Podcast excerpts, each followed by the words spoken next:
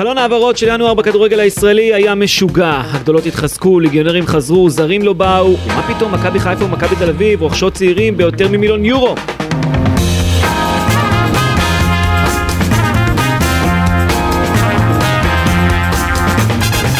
ברוכים הבאים לפודקאסט שיחת היום בוואן בחסות ווינר, והיום נדבר על חלון העברות שנסגר, החלון של ינואר, למרות שהוא תמיד גולש לפברואר, אז פשוט נקרא לו החלון של החורף. כאן איתכם, תומר חבאס ואסי ממן, אופק שדה ושי מרטינובסקי על ההפקה.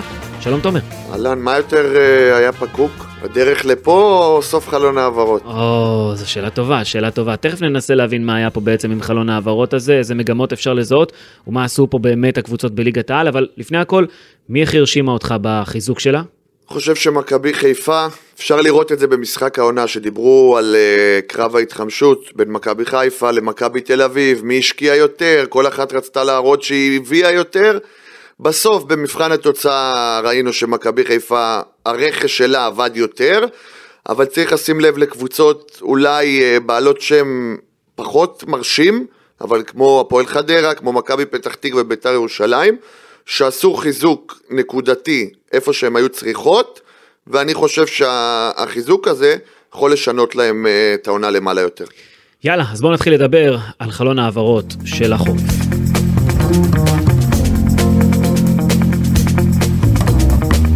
אני רוצה לצרף את אבי נימני, סוכן השחקנים אה, לשיחה שלנו. היי אבי. היי, בוקר טוב. בוקר טוב, יש לנו כמה שאלות בנוגע לחלון העברות, אתה יודע מה קורה הכי טוב מאחורי הקלעים, אתה מכיר את כל הצדדים בעסקאות, גם מעצם זה שהיית כדורגלן, גם מזה שהיית מאמן וגם מהיותך סוכן שחקנים uh, כיום. עמדת מאחורי העסקה של רז שלמה למכבי תל אביב בין היתר, ואתה יודע, כולם מדברים על הגדולות. האם הם באמת היו בטירוף בחלון הזה? אה, תראה, אני לא חושב, אני חושב שהחלון הזה הוא חלון אה, אולי חד פעמי באמצע השנה שאנחנו נראה כל כך הרבה העברות. אני חושב שהקבוצות נכנסו ללחץ ולפאניקה בגלל אה, התקופה שאנחנו נמצאים בה. יש את תקופת המלחמה, כולם פוחדים שזרים לא יגיעו לפה וכולם רוצים להתחמש בשחקנים ישראלים. ולכן כולם עשו כל מאמץ כדי להביא שחקנים ישראלים מחו"ל, יהודים, ו... שהם לא יצטרכו איכשהו להיות תלויים בשחקנים זרים. אה, זה לדעתי מה ששני המועדונים הגדולים התחמשו לקראת, לא רק לקראת העונה הזאת, גם לקראת העתיד. בנוסף, אה, המועדונים, אני לא רואה עוד מועדונים שיכולים להתמודד איתם מבחינה כלכלית, באר שבע אה, כבר לא במשחק הזה כרגע, ו... אה, בית"ר ירושלים עשתה, עשתה מאמץ, אבל בסופו של דבר השחקנים במספרים הגדולים אה, עוברים למועדונים הגדולים, לצערי הפועל תל אביב היא כרגע גם כן לא במשחק הזה, ואנחנו הולכים תמיד לראש חץ, לדעתי גם בשנים הקרובות, של מכבי תל אביב ומכבי חיפה. אבי, אתה יודע, מדברים עכשיו על uh, חלון משוגע, משהו שלא היה פה. במה זה בא לידי ביטוי, אתה כסוכן, איך אתה רואה את זה? לא רק בנושא הזרים, באופן כללי. גם היה קשה להוציא שחקנים אני... מקבוצות בגלל העומס, כי קבוצות לא רצו לשחרר.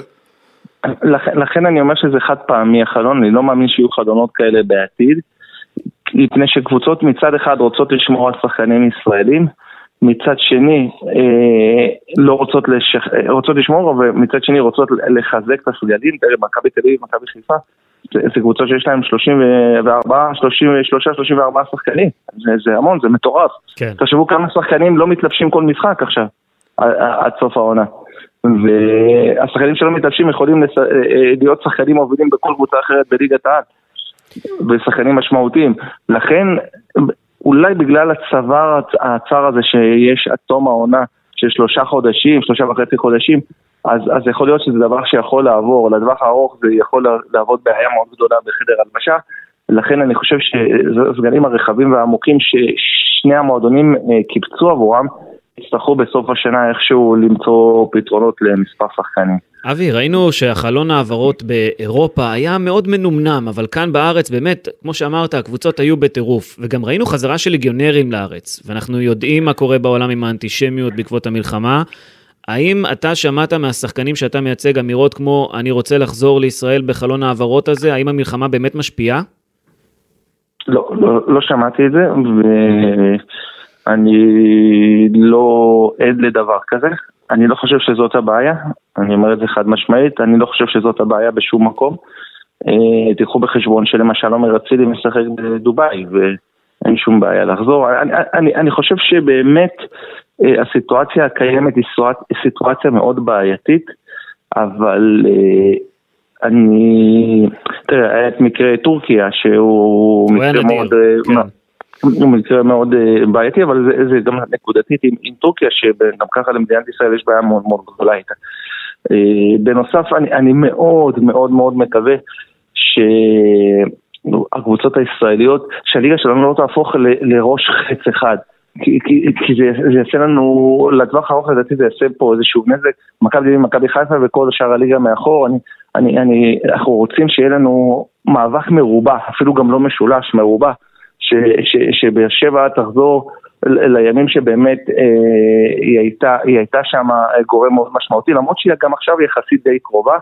אה, היינו, הייתי רוצה לראות את בית"ר ירושלים, הייתי רוצה לראות את הפועל תל אביב, הייתי רוצה לראות באמת את המועדונים הגדולים נאבקים שם על האליפות, אה, אה, נמצאים שם ממש ממש עד הסוף, לצערי זה בינתיים לא שם, אני, אני מקווה מאוד שנחזור לימים האלה.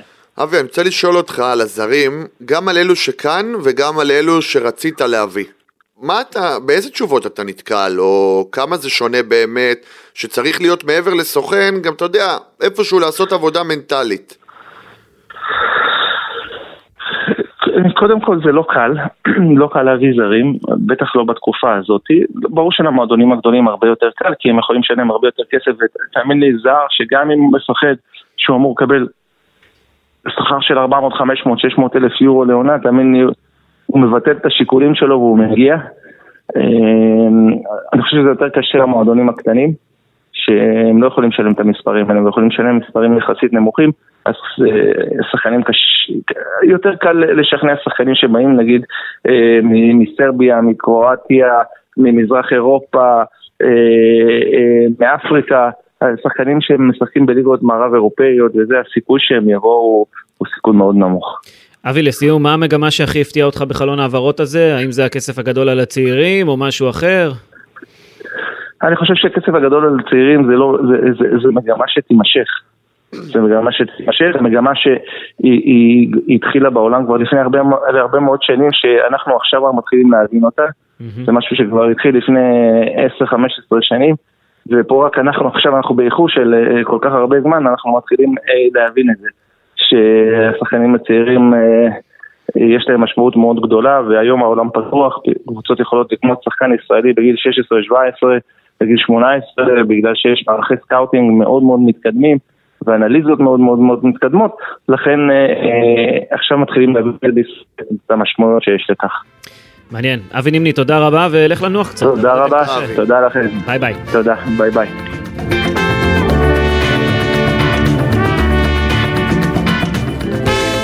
עכשיו תומר, בוא נפרק את זה לגורמים. נתחיל מהקבוצות הגדולות. אני לא זוכר חלון העברות כזה, אני לא זוכר טירוף כזה. מכבי חיפה החתימה את גדי קינדה, קני סייף, דניאל סובוי, תומר חמד וכמובן גם ליאור קאסה. על הדרך היא שחררה את שרון שרי, דיה סבא וחמזה שיבלי. גם מכבי תל אביב יצא למסע רכש גדול, רז שלמה, אלעד מדמון, יונס מלאדה, עדן קרצב, מתן בלטקסה, ולקינוח גם הזר הנרי אדו. כל אלה חתמו אצל הצהובים שהוציאו קרוב ל-4 מיליון יורו על רכש בינואר, ואחת מהעסקאות היא גם לעתיד, לקיץ. מה קורה פה? מרוץ חימוש? אני חושב שכל המחירים, ה... אני מרשה לעצמי להגיד הזויים האלה, אוקיי. Okay. אה, לדוגמה קאסה שהוא, יכול להיות שיהיה שחקן מצוין, אני לא מזלזל, כולם אומרים את זה, אבל בשלב כזה בקריירה, שהוא לא שיחק כל כך הרבה, הסכום ששולם עליו זה רכישה מן הסתם לטווח ארוך, אבל עדיין קצת מוזר, קצת מוגזם בעיניי, ואני לא פוסל את מה שאבי אמר, שהעולם הולך לשם, בסוף העולם הולך לשחקנים צעירים. יכול להגיד לך שגם מכבי נתניה שאני מסקר, אם אני מסתכל על מרבית הרכישות שלה בשנה, שנתיים האחרונות, לפח, לפחות אה, בתקופת אלמוג כהן, זה שחקנים עם פרופיל של, אמנם לא בגיל של קאסה, אבל עד 25, ורוצים לבנות שחקנים לעתיד, לכמה שנים.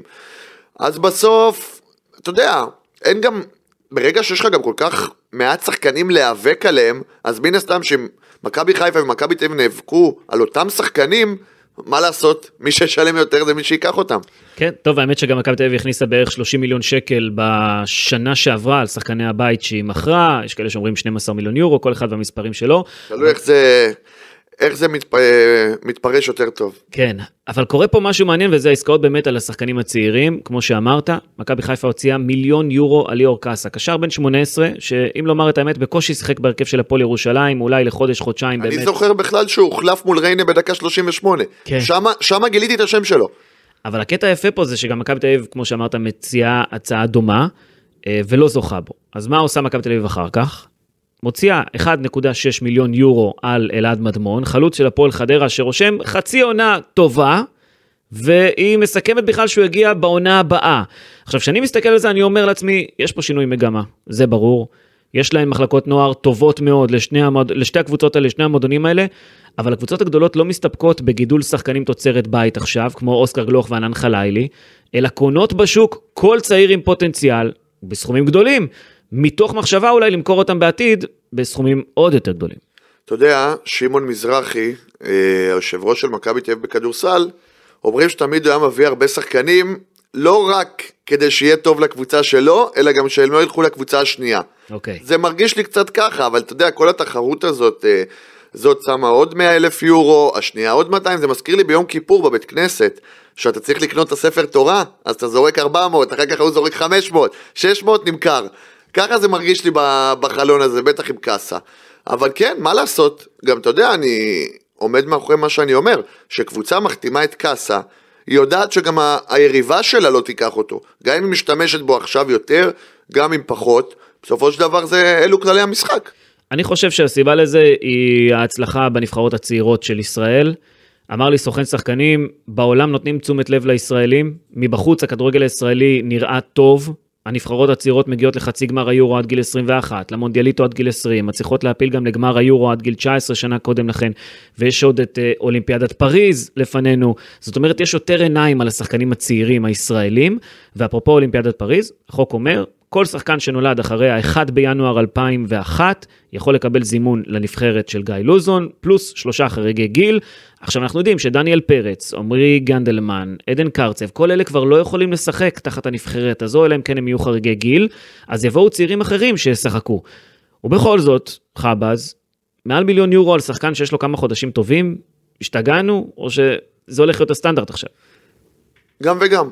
גם השתגענו, אבל גם זה הולך להיות הסטנדרט. כי אתה יודע, בסוף, אתה יודע, אני חוזר למה שאמרת על הצעירים ועל ה... אני חושב שהקיץ הזה, החודש, חודשיים, עם המונדיאליטו ועם היורו צעירות, שינה פה משהו, ואני שומע את זה מכל מיני גורמים, אפילו בדברים הקטנים. למשל, פרגונים שמקבלים אה, מאמני הנבחרות, מה, מה, מהקולגות שלהם. זה אולי נשמע דבר מינורי, קטן, אבל אתה יודע, איפשהו בתפיסה מתייחסים לכדורגלן הישראלי יותר ממה שהוא היה. וגם גנדלמן סיפר לי למשל, שכשהוא עבר אה, עכשיו לבלגיה, אחת הסיבות שלקחו אותו, זה היה היורו. הסתכלו ראו ביורו, היורו שם. נתן את הגושפנקה, בוא נגיד ככה, כן. והקיץ הזה עשה שינוי מאוד גדול, גם תפיסתי, גם תודעתי וגם ברכש. אתה יודע מה, אפילו אם תסתכל על הנבחרת של יורו 2013, הנבחרת הצעירה שלא עשתה איזה טורניר גדול, כן? עשתה שם ארבע נקודות, קיבלה כרטיס כי אירחה את היורו אל בעצם. תיקח ללוזון את הניצחון בסוף על אה, אנגליה. לא, חס וחלילה. וואלה, הרבה שחקנים שהיו שם, יצאו. לחו"ל. אבל גם נעלמו אחרי זה. למה? ניר ביטון, מונס דאבור, טלב טוואטחה, בוריס קליימן, זה- שווה להם. זה שווה להם להיות במ- במקומות האלה, השחקנים האלה בסוף יצאו לחו"ל, רובם ככולם. אתה לוקח אותי פה לקפוץ טיפה קדימה לאלעד מדמון. אנחנו מדברים על חו"ל ומדברים על מה שיכול לעשות טורניר, אז הוא עוד לא עשה טורניר, נכון. אבל קח לדוגמת הקונפליקט שהיה לו. אלעד מדמון עכשיו קיבל הצעה ממכבי תל אביב, אה, אתה יודע, פרסמתי אחרי זה על סאוטהמפטון, והרבה מאוד אנשים שאלו, איך בסופו של דבר אלעד מדמון בוחר במכבי תל אביב על פני סאוטהמפטון, וגם ברקו אגב שאל אותי את זה אתמול אה, בתוכנית, ברדיו. אז אני אענה לך. בסוף, אני אגיד לך מאחורי הקלעים, למה הוא בחר בסופו של דבר במכבי תל אביב. קודם כל יש סיבה כלכלית. בהפועל חדרה מספרים שסאוטהמפטון לא התעקשה מספיק על מדמון. מה זה אומר? מכבי תל אביב כל פעם העלתה את ההצעה, אפרופו סיפור ה- יום הכיפורים בבית כנסת והעלאת המחירים, אז מכבי תל אביב כל פעם הראתה שהיא רוצה. עוד ועוד ועוד. סאוטהמפטון נתנה הצעה התחלתית של 1.4. עכשיו, אתה יודע, יש משא ומתן, חדרה רוצה יותר כסף בהתאם למה שמכבי תל אביב מעלה, והם ראו שסאוטהמפטון לא מעלים את ההצעה. ב-50 אלף יורו, ב-40 אלף יורו, אז אתה מבין שאם היו רוצים אותו, אז היו מעלים קצת יותר. בנוסף, לסאוטהמפטון יש כמה קבוצות בת ברחבי העולם, אז אתה יודע, מדמון הבין פה שהוא לא הולך להיות בסגל הראשון של סאוטהמפטון, שסביר להניח תעלה לפרמייר ליג בעונה הבאה. אז אתה יודע, כל אחד עושה את השיקולים שלו. אני רוצה ללכת לסאוטהמפטון, אבל לא להיות בסאוטהמפטון, אה, קרי גיא אסולין, שהיה בברצלונה, ואתה יודע, לא באמת שיחק. זאת הסיבה למה מכבי תל אביב, אגב. אתה יודע שאייל ברקוביץ' סיפר שכשהוא הגיע לאנגליה אז סאוטהמפטון לא שלחה אף אחד לשדה התעופה, הוא אומר אני נכון. רגיל שכולם מרצים סביבי, פתאום אני צריך עכשיו לרדוף. אז כן, זה גם חלק מהעניין, אבל אתה יודע, להגיד לא לסאוטהמפטון וללכת למכבי תל אביב זה, זה די מוזר, בכל זאת, זו החלטה. אולי מדמון בקרוב יענה על השאלה הזאת. כן. עכשיו, אתה יודע, כשקבוצה תבוא אה, מאירופה ותסתכל על ליאור קאסה בנבחרת ישראל, אם הוא ישחק בנבחרות ישראל הצעירות, כרגע הוא בנבחרת נבחרת הנוער של אופיר חיים, בעתיד היא תסתכל עליו ותבין שהוא משחק במכבי חיפה מגיל 18, אחרי שהיא שילמה עליו יותר ממיליון יורו, אוטומטית, אני חושב שהיא מבינה שזה יעלה לה לפחות 4 מיליון יורו. זאת אומרת, זה שווה לקבוצות אולי להשקיע את הכסף הזה בשחקנים כאלה, לא? אני חושב גם בסוף, לא יעזור שמשקיעים עליך אה, סכום כזה של כסף, גם הקבוצות בחו"ל שרואות את זה, הן אומרות לעצמם, וואו, מי זה הבחור הזה? למה שמו עליו מיליון יורו ב, בגיל 18? אתה יודע, לא יעזור. בסוף, אתה, היום שאתה מדבר על שחקן בחו"ל, אפילו באירופה, מה אתה אומר? הוא הגיע לריאל מדריד, ראית כמה כסף שמו עליו? כן. אוטומטית, אתה, אתה פותח איזשהו זרקור עליו. אז אני חושב שגם במקרה של קאסה, וגם במקרה של מדמון, לא יעזור, קבוצות יסתכלו עליהם בצורה שונה. אנחנו בעידן שאפשר לגלות הכל על כל שחקן. אז לדעתי גם זה ישפיע. האמת שאתה מסתכל על השוערים בליגת העל, אפרופו הצעירים שאנחנו מדברים עליהם עכשיו, רוב השוערים הם צעירים בני עד גיל 23, או שוערים מבוגרים מאוד. זאת אומרת, דניאל פרץ ועמרי גלאזר יצאו מפה לחו"ל. אז אולי אנחנו לא נהיה ליגת פיתוח כמו פורטוגל, אבל נדמה לי שהבינו את השיטה פה בארץ, אפשר לעשות כסף.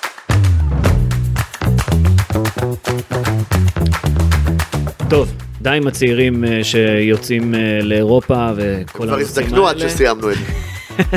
כן, בחלון הזה ראינו מגמה של ליגיונרים שחוזרים, אה, אם זה גדי קינדה שחזר מארצות הברית, קני סייף מאזרבייג'אן, מתן בלטקסה שחזר מאוסטריה, סתיו נחמני ואור דדיה שעזבו את סקוטלנד, יונס מלאדה וזיו מורגן שחזרו מבלגיה, גם רז מאיר, רוסלן ברסקי ואפילו עדן קרצב חזר אחרי העליהום על הישראלים בטורקיה בגלל המלחמה.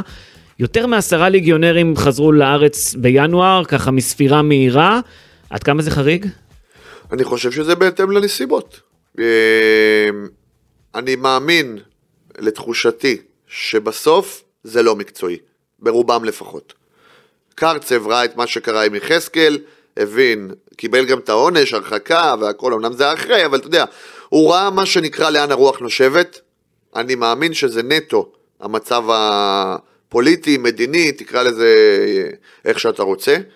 לא חושב שבעונה רגילה, שלא קרה פה מה שקרה פה, אה, האסון הנוראי הזה במדינת ישראל, הליגיונרים היו חוזרים ובטח לא בכמות הזאת. זו הדעה שלי, כמובן שהכל בדיעבד. אני מאמין שהפעם זה לא מקרה קלאסי של הליגיונרים שאומרים, אה, עשית חצי עונה, חזרת כליגיונר בשביל להרוויח יותר כסף. בסוף, גדי קינדה עשה שם כמה שנים, כנראה שהוא ראה שאין לו, אתה יודע, יש שם איזה תקרת זכוכית, הרי הוא היה שם כוכב, בוא נגיד את האמת. ולאן תתקדם משם? כנראה שלא היה משהו, הוא גם לא מאוד צעיר. אז כל אחד לגופו, אבל אני אומר שבשורה התחתונה זה יותר פוליטי-מדיני מאשר אה, מקצועי. אמר לי מישהו שגדי קינדה היה אמור בחוזה הבא שלו להרוויח בסביבות המיליון דולר לעונה. זאת אומרת שהוא ויתר פה על כסף, גדי קינדה. כנראה שיש את העניינים המשפחתיים גם. יש שם משהו אישי. כן, אני יודע שיש שם משהו. אישי. כי בסופו של דבר אתה לוקח את המשפחה שלך למקום העבודה הבא שלך, למדינה זרה, לא תמיד עוד קל שארצות הברית. לא רע. נכון, יכול להגיד לך, שמעתי גם מבריבו, מדינה לא רעה, אם כבר ללכת לשם. כן, אבל אתה יודע, לפעמים עכשיו יש שם ליגיונר חדש. מי? אסף נימני. נכון, מאמן, מאמן ליגיונר, כן. כן. ויהיה לו דרבי עם דקל קנן. על הגדול. בקיצור, אתה יודע, אתה לוקח את המשפחה שלך למקומות האלה, יכול להיות שגם כן פתאום רוצים לחזור, מלחמה, עניינים. אה, אגב, שגיב יחזקאל היחיד שנשאר במרכאות תקוע, כי הוא לא פה, לא שם, לא חתם בקבוצה חדשה, לא מקבל שחרור. איפה זה עומד כל הדבר הזה? תשמע, בסוף, אתה יודע, אני אגיד משהו שאולי יישמע קצת אה, פופוליסטי, או... אני מאמין שאם לא היה קורה את האירוע שקרה עם שגיב, שכל הכבוד לו, כן, זה לא חלילה איזושהי ביקורת, כן. אני מאמין שהוא היה נשאר שם. אני גאה בו על מה שהוא עשה, ואיך הוא הנציח, ומה שקרה, אבל לדעתי, עד אותו רגע הוא היה מאוד אהוב שם, עם כל מה שקרה מסביב. אבל עכשיו הוא נקלע לסיטואציה שהוא בחר בעם שלו, וכל הכבוד לו, באמת תחושת גאווה על מה שהוא עשה, והוא משלם איזשהו מחיר בסופו של דבר. אני מאמין שיהיה פתרון. לא יכולים לתקוע את שגיב יחזקאל אה, כל כך הרבה זמן בלי קבוצה. ראינו גם מנור סולומון, מה שהיה עם שכתר, הוא גם חיכה וחיכה וחיכה וחיכה, ובסוף פיפ"א הכריע, לך תשחק, אחרי זה מה שנקרא נתקזז במרכאות, עם, אה, עם שכתר, ומי זה היה אז אה, עם פולאם. אני מאמין שיהיה פתרון, לאן זה יהיה זו שאלה אחרת. אתה יודע, אני רואה אותו חוזר לשחק בשבועות הקרובים. גם פה הארגונים הבינלאומיים צריכים להכריע באמת אה, בסוגיה הזו. הם לא הכריעו מה הם רוצים פוליטית, אתה יודע, אז אתה נכון. רוצה שהם יכריעו לאן ילך שגיב יחזקאל? נכון, זה חתיכת ציפור, זה כל כך מורכב. אגב, היו גם יציאות של ליגיונרים חדשים, דיה סבא כמובן, אה, אבל גם יהב גורפינקל עבר לסין, חשיפה של אה, איציק קלפי בוואן, הוא יקבל חצי מיליון דולר לעונה, בהפועל הוא קיבל בערך 110 אלף הסתדר, דולר הסתדר. בשכר, כן, הכפיל אותו. והפועל תל אביב גם הכניסה קצת כסף מהמעבר הזה רגע לפני שמסתיים שם החוזה. אה, מעבר מפתיע של גורפינקל לסין. מפתיע, אבל אתה יודע, יש רגעים של שחקן שהוא מבין, אה, מיציתי פה. כאילו, לאן אני אגיע? הייתי פה, הייתי פה, הייתי פה, אין לי לאן אה, יותר מזה להתקדם, וזאת הסיבה לדעתי. בואו נדבר על הזרים. אומרים לי אנשים בכדורגל הישראלי, קשה להביא לפה זרים בגלל המלחמה, אף אחד לא רוצה לבוא לפה. מצד שני אומרים לי סוכנים שהרבה פעמים, בלי קשר למלחמה, הם שומעים משחקנים, אני לא רוצה לעבור לישראל. זה תמיד קיים. עד כמה זה היה בעייתי לקבוצות באמת להביא לפה שחקנים זרים? עד כמה זה קשה בגלל המלחמה? אני אתן לך שתי אה, סוגיות או שתי דעות. אתה יודע, מצד אחד אני מדבר עם קבוצות, חלק אומרים לי, אומרות לי, סליחה, שיותר קשה להביא בגלל המצב, והרבה יותר קשה לאתר זרים שרוצים לבוא.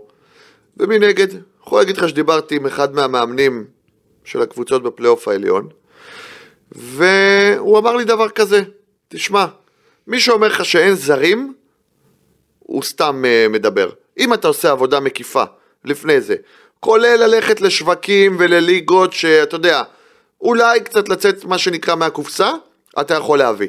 משמע, אם אתה נערך כמו שצריך, גם על הקטע הזה של המלחמה והקושי וה...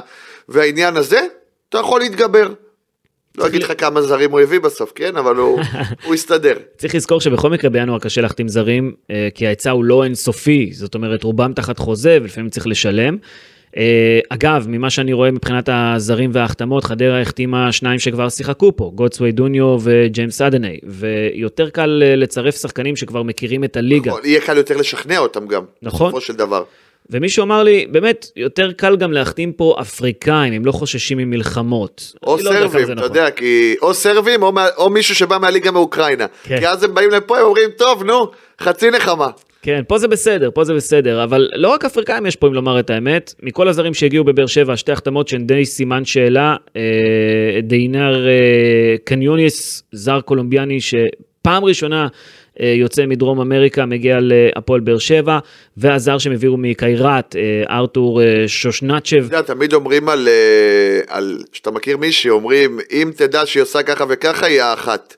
מי שיודע להגיד את השם של החלוץ של באר שבע בלי לטעות, מגיע לו מדליה.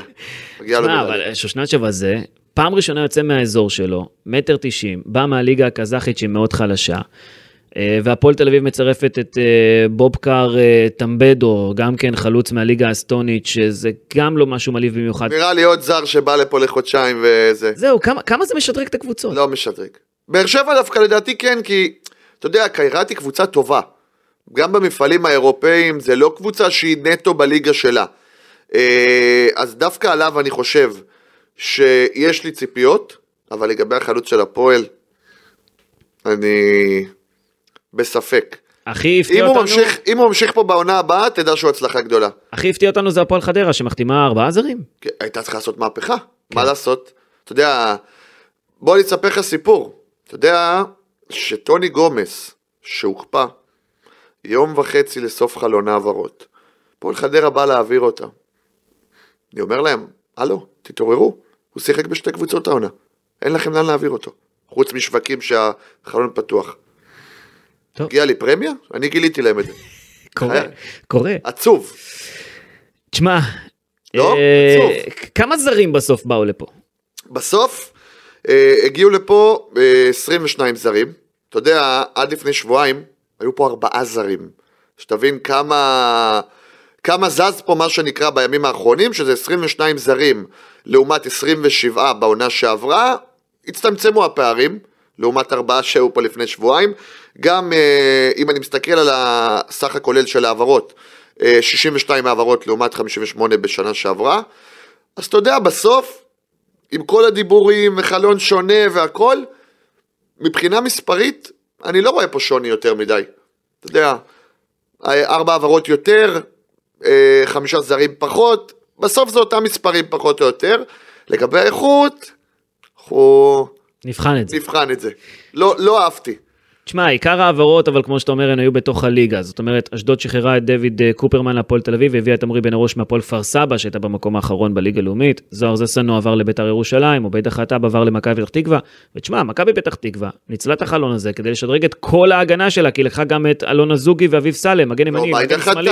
מהפועל תל אביב. גולת הכותרת, אנדריאס קארו ששיחק עם דן גלאזר ב- בכרתים, שהוא בלם אה, שגדל בנוטינגאם פורסט ואפילו נקנה על ידי לאציו, הוא אגב אחד השחקנים עם הפרופילים היותר מעניינים לבחון ב- בתקופה הקרובה, אבל אה, מכבי פתח תקווה גם פספסה זר, כי הייתה אמורה להביא קשר אחורי 6, מאיפה הוא בא? מטורקיה.